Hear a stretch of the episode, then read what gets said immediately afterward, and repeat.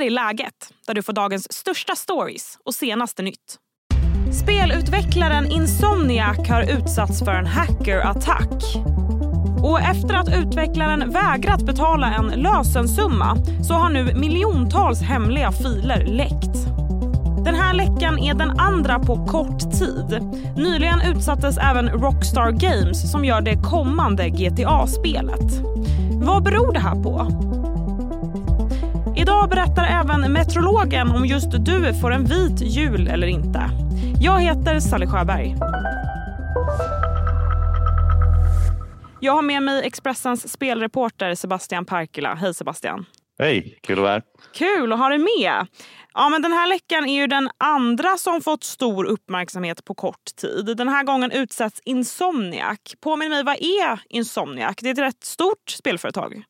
Eh, Insomniac ägs av Sony så att redan där kan man ju etablera att det är ett eh, ganska stort företag eh, som gör bland annat Spiderman-spelen som är deras liksom, stora eh, franchise just nu där de nyss har släppt Spiderman 2-spelet som är Sonys liksom, mest sålda spel någonsin. Det är liksom enorma spel vi pratar om så att det här är ju en jättesmäll för Insomniac. Liksom att all, alla deras planer för nästa tio år i princip har läckt ut nu. Så att, eh, det är utanför deras händer nu liksom allt kring marknadsföring och så här och hur de vill liksom lansera sina spel. Nu, nu finns allt där ute redan. Liksom, så att det ja, tungt såklart. Ja, verkligen. Och vad får vi veta då? Vad som finns i spelplaneringen? Ja, eh, bland annat så får vi veta lite releasedatum för några spel som man vet ska komma som Wolverine-spelet bland annat som kommer 2026 och där har man inte bara fått veta när det kommer utan det vet man i princip hela storyn för spelet nu också. Så det, ja, man får ju avgöra det själv det om man vill. Det svider kan jag tänka mig. Ja, så är det ju. Liksom. Plus att man har fått se en massa video från spelet liksom, och hur det ser ut och alla funktioner och så här. Så det är liksom, det är, ja, som sagt en jätteläcka på 1,3 miljoner filer så ja, det är mycket som finns där ute nu. Men vad jag fattar så hackarna var inte bara ute efter, eller de kom inte bara över spelmaterial, de kom även över så personliga uppgifter om personalen. Berätta. Ja precis, de har ju tagit sig in i Slack-kanalen eh, bland annat för Insomniac Games liksom, där de eh, kommer åt en massa liksom, privata meddelanden. Sen har de också kommit åt eh, de anställdas privata information, pass och allt möjligt. Liksom, så att det här är ju liksom inte bara en attack riktad mot företaget utan mot de anställda också. Så att de, här, de anställda har fått väldigt mycket stöd på sociala medier och så här så att det, det är liksom det är ingen som har visat någon sympati för liksom, den här hackergruppen Ricida som, som ligger bakom det utan eh, alla står ju bakom spelstudion och de här anställda som har utsatts för den här attacken. Mm. Och Ricida gav dem ändå, det var en lösensumma på 20 miljoner något sånt där? Ja, 50 bitcoin vilket motsvarar nästan 22 miljoner kronor. Eh, och, eh, de fick sju dagar på sig att betala den här summan. Sony vägrade ju såklart och eh, sen så gjorde de vad de hotade med. Liksom, att de släppte alla de här filerna, 1,6 terabyte totalt. Och Det här är ju den andra spelläckan på kort tid. Frågan är ju om spelföretagen har dålig säkerhet eller vad det här beror på. Jag ska fråga dig det Sebastian, men först så blir det en kort nyhetsuppdatering.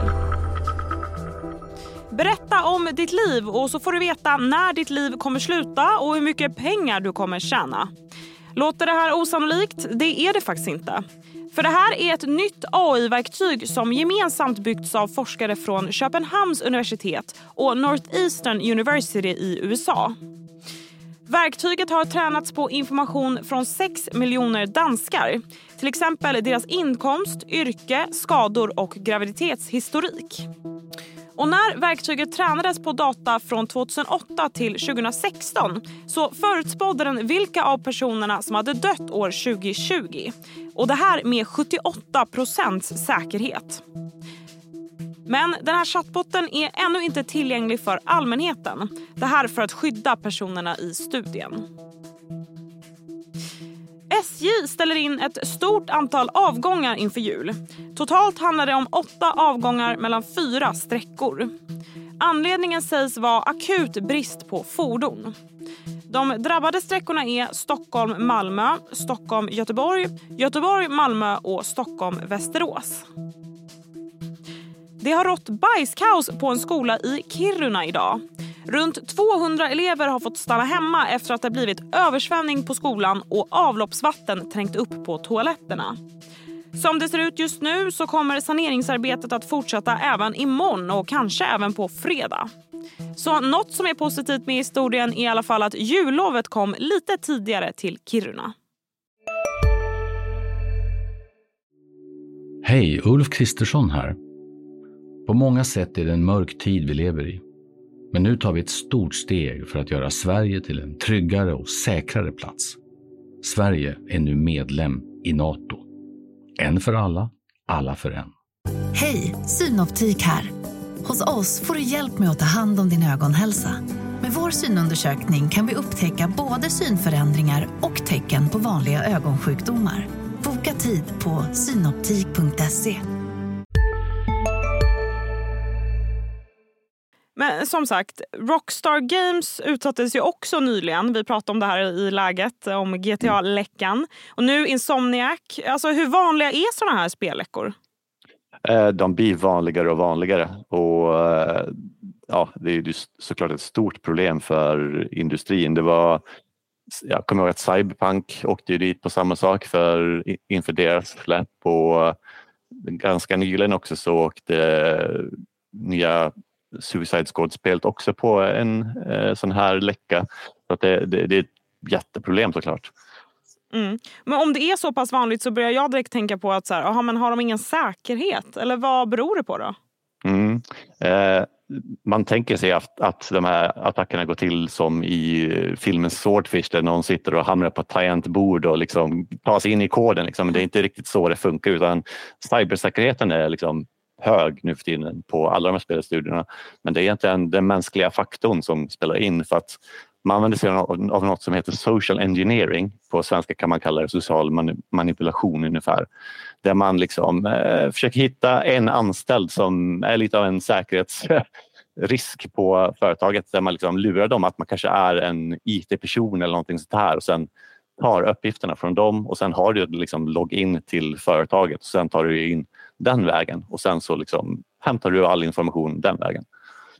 Och de grupperna som utsätter, Rizira var i det här fallet, vad, vad kännetecknar de?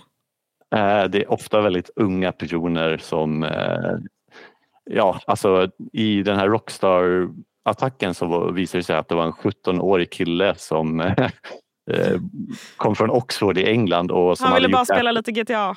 Ja exakt, han hade tagit med sig en tv-sticka till ett hotellrum och sen utfört attacken på det sättet. Med en nyinköpt mobiltelefon och liksom det, är, det är inte direkt glamoröst men det är liksom eh, för den som liksom är ambitiös och vill verkligen ta, ta del av den här informationen så, liksom, så går det. Så länge man har liksom den kunskapen och ja, det är ofta väldigt unga personer helt enkelt. Men man kan vända på det också. För jag tänker att Det som är när det blir en sån här läcka, det får ju enormt uppmärksamhet för de här spelen. Kan det inte vara så att det gagnar dem på något sätt?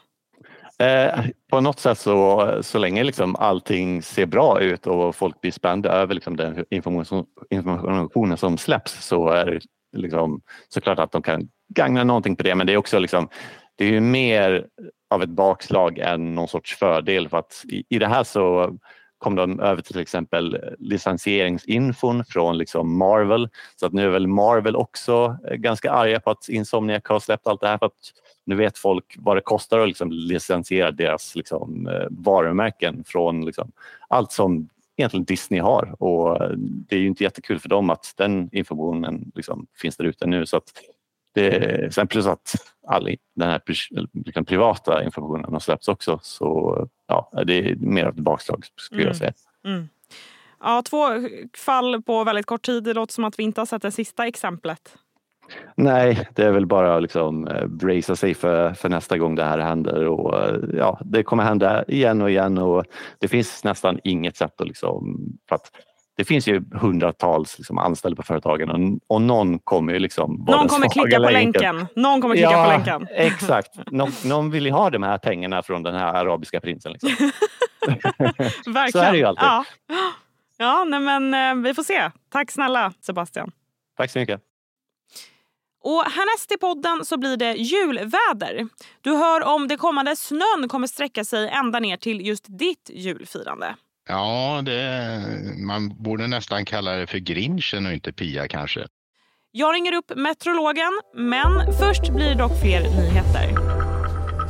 EU-länderna och EU-parlamentet har idag enats om en gemensam asyl och migrationspakt. Överenskommelsen kom efter åratal av oenighet där förhandlingarna bland annat handlat om hur man ska stötta de länder som har ett högt migrationstryck. Den nya pakten tar bland annat upp hur man ska hantera asylsökande och migranter vid EUs gränser med ökat fokus på att tidigare skilja på personer med skyddsskäl och sådana som sannolikt inte kommer få stanna. I pakten framgår också att unionen kommer att bygga speciella asylcenter vid EUs yttre gränser. Ovädret Pia är på väg in över Sverige.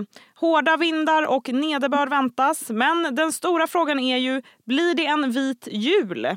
Jag har med mig Johan Groth. Du är meteorolog på väderinstitutet Storm. Hej Johan! Hejsan, hej! Ja men eh, Pia då, det ska först regna men sen ska det väl snöa? Berätta! Ja, det, man borde nästan kalla det för grinchen och inte Pia kanske. Nej, men eh, för det kommer väl eh, delvis att ställa till massa trassel här nu då för alla som ska eh, kanske resa och flytta på sig inför julfirandet i och med att det blir stökigt väder. Men det är också så att den ger en chans faktiskt till att vi kan få en vit jul långt ner i Götaland. Åtminstone en vit julafton, sen kan det bli milt igen. Okej, så att vilka delar av Sverige får en vit jul då? Eh, ja, om vi börjar med Pia då först bara kanske så eh, är ju alltså den drar ju in imorgon och eh, det börjar som snö även i Götaland men där går det snabbt över i regn då. Men om vi tar någonstans norr om eh, sjöarna i princip, då, Vänern och bort mot Mälaren då, Hjälmare-Mälaren, norr om, där blir det nog som snö redan imorgon då när det drar fram medan det då blir mest regn eh, bakom. Men när sen det drar bort det här eh, lågtrycket under, eh, ska vi säga, sent på eh, i morgondagen och under fredagen, då kommer liksom kallluften ner igen och då går det över igen, det här regnet går över i snö ända ner då mot de eh, sydligaste delarna av inre Götaland. Det låter ju perfekt. Mm, det är inte så dumt för att om det blir så tillräckligt mycket vitt då, då kan det faktiskt bli en vit jul ända ner så att stora delar av Götaland också får en eh, vit jul om man nöjer sig med ett lite tunt snötäcke och kallar det vit jul. Men då kan det bli det i alla fall på julafton men sen brakar mild luft in i söder så att då försvinner antagligen snön i åtminstone i södra och mellersta Götaland. Men alltså det kan bli en vit julafton ända ner till kanske inre Skåne till och med. Otroliga nyheter tycker jag. Vem, vem kommer att ha den snörikaste julaftonen? Ja, alltså man kan väl säga garanterat så är det vit jul eh, eh västra eh, Svealand och eh, hela Norrland och troligtvis också lite vit här i östra Svealand i och med att det kommer ner kallluften och blir lite snö. Eh, och snörikast, ja det blir väl en kamp då. Det är ganska mycket snö i delar av eh, Norrland. Men eh, mest kanske det faktiskt blir i södra Norrlandskusten för det är här som det kan bli väldigt mycket snö nu när eh, Pia drar fram då. Så att under, eh, sen, från sen torsdag, fredagsdygn och inledningen på lördagen kan det komma ganska mycket snö. Ja, typ från Gävle upp mot eh, eh ja, strax söder Sundsvall kanske 2-3 decimeter lokalt kanske till och med mer. Så det skulle inte förvåna mig om det är där vi hittar kanske högsta snödjupen när det är dags för julafton. Och de som går på julledighet, kan de bygga snögubbar framåt under den ledigheten? Ja, det blir, eh, alltså vädret är väldigt hoppande. Det är flera sådana djupa lågtryck som ser ut att komma in. Ett redan på juldagen igen och då sveper det kanske bort snön i, i som jag sa, södra mellersta Götaland i alla fall. Men längre norrut, där blir det kanske snö istället och finns det då redan snö så ska det väl kunna bli en annan snögubbe kanske. Otroligt! Tack så mycket Johan och god jul till dig! Tack detsamma! Det var allt för idag. Läget kommer ju ut varje vardag så se till att du följer podden och skriv gärna en kommentar om vad du tycker om podden också.